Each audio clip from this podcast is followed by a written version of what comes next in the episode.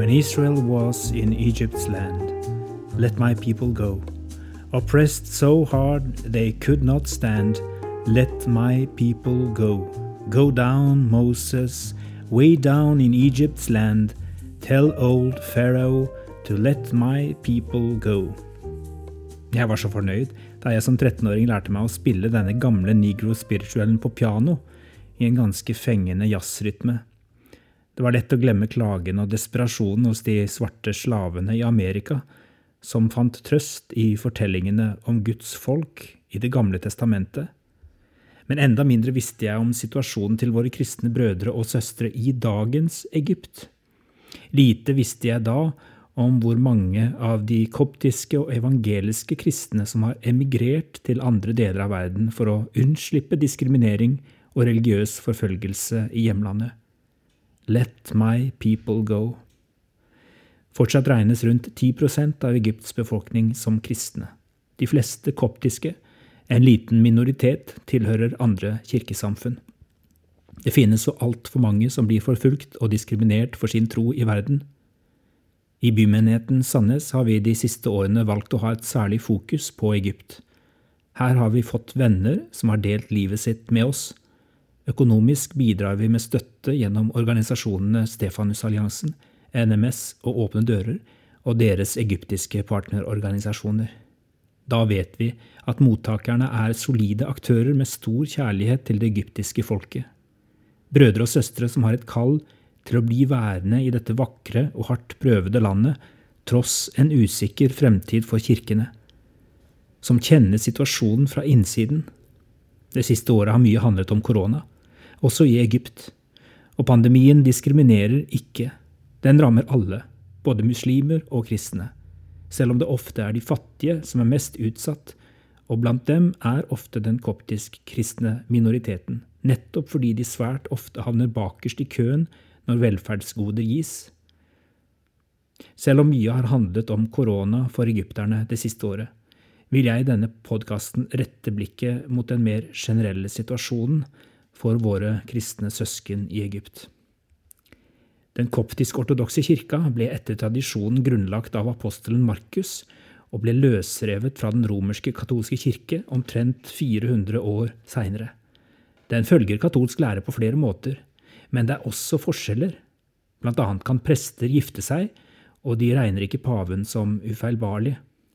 Mange av våre koptiske partnere i Egypt, som biskop Thomas og mamma Maggie, har sterke bånd til evangelisk kristendom. Kopterne har levd i Egypt siden kristendommens begynnelse, men de siste tiårene har de opplevd økende vold fra islamske fundamentalistgrupper. Kopterne opplever også systematisk undertrykkelse. Det er vanskeligere for dem å komme inn på skoler og få gode jobber.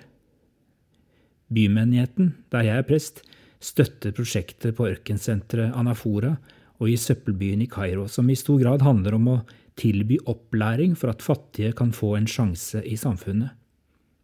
For et par år siden opplevde koptiske kristne på ganske kort tid gjentatte terrorhandlinger, bl.a. mot kirker.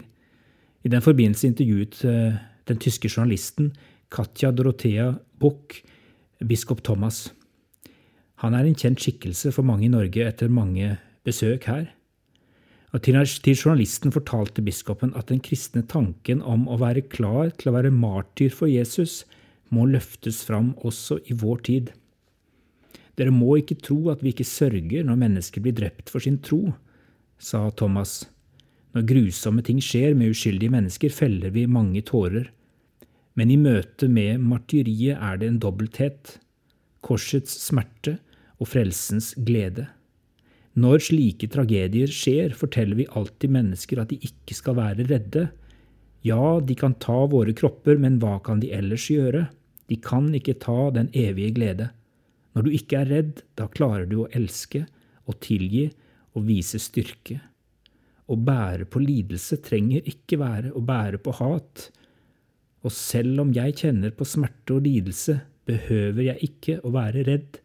Samtidig er det slik at martyriet alltid innebærer urettferdighet, og det kaller oss som er levende, til å kjempe for rettferdighet. Vi har et ansvar for å arbeide for rettferdighet.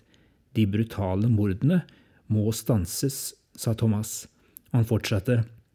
De vestlige kirkene behøver ikke å bli korsfestet for å forstå meningen med martyrene. Men dere kan hjelpe oss til å bære korset, slik Simon gjorde i Bibelen. Han ble ikke spurt om han var villig til å bære korset for Jesus. Han ble tatt ut av mengden og pålagt å bære korset uten å vite om velsignelsen som fulgte med. Å bære korset kan bli til velsignelse for Vestens kirker. Vårt ansvar for å arbeide for rettferdighet går på tvers av nasjoners grenser og politisk tilhørighet. Martyrene sender et rop. Spørsmålet er om vi ønsker å lytte eller ikke, sa biskop Thomas den gang. Dagens regime med president El-Sisi har gjort det noe lettere å være kristen enn det var under president Morsi og det islamske brorskapet for noen år siden, men fortsatt lider de kristne i Egypt forferdelig mye urett, kanskje spesielt i den sørlige delen av Egypt, Øvre Egypt, der de radikale muslimene fortsatt har stor innflytelse. Jeg og noen andre fra bymenigheten besøkte den delen av Egypt på en misjonstur for noen år siden. Noe av det vi fikk høre på nært hold fra dette området, var helt rystende sett fra et menneskerettighetsperspektiv. Det er da jeg tenker på israelsfolket som Moses ledet ut av Egypt. Mange av de beste kristne lederne de har, har forlatt landet de siste årene, særlig blant de evangelske kristne, men mange blir værende og kjenner et kall til å tjene det egyptiske folket. De har lært seg å sette sjøbein. Billedlig uttrykt er dette noe de kristne i Egypt må gjøre, ellers rives de med av bølgene og stormene de møter på grunn av sin tro. I sangen lyder det Oppressed so hard they could not stand.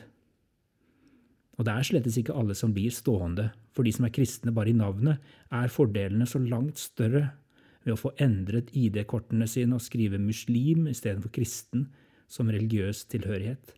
Da åpnes alle de lukkede dørene for dem i samfunnet. Men i Egypt møtte jeg så mange fantastiske brødre og søstre som satte sjøbein og ble stående gjennom stormene. Det koster, det krever et liv i bønn, daglig forankring i Guds ord og rikelig med nåden som bare Jesus kan gi. Hva trenger dere fra oss, spør vi. Be for oss, er svaret vi fikk igjen og igjen. Og underveis på reisen stilte vi oss i ring og ba utallige ganger. Og vi lovet å fortsette da vi kom hjem. Så la oss be Han som en gang førte sitt folk ut av Egypt etter generasjoner med undertrykkelse, om at Han lærer oss å sette sjøbein og bli stående når bølgene blåser høyere og høyere også i vårt eget land. Denne uka har bymenigheten en egen Egyptaksjon til inntekt for prosjektene vi støtter gjennom biskop Thomas sitt senter Anafora og Mamma Maggie sin organisasjon Stefanusbarna. Hvis du vil være med og støtte prosjektene med en gave, finnes mer informasjon på bymenighetens hjemmesider. Ha en velsignet dag der du er.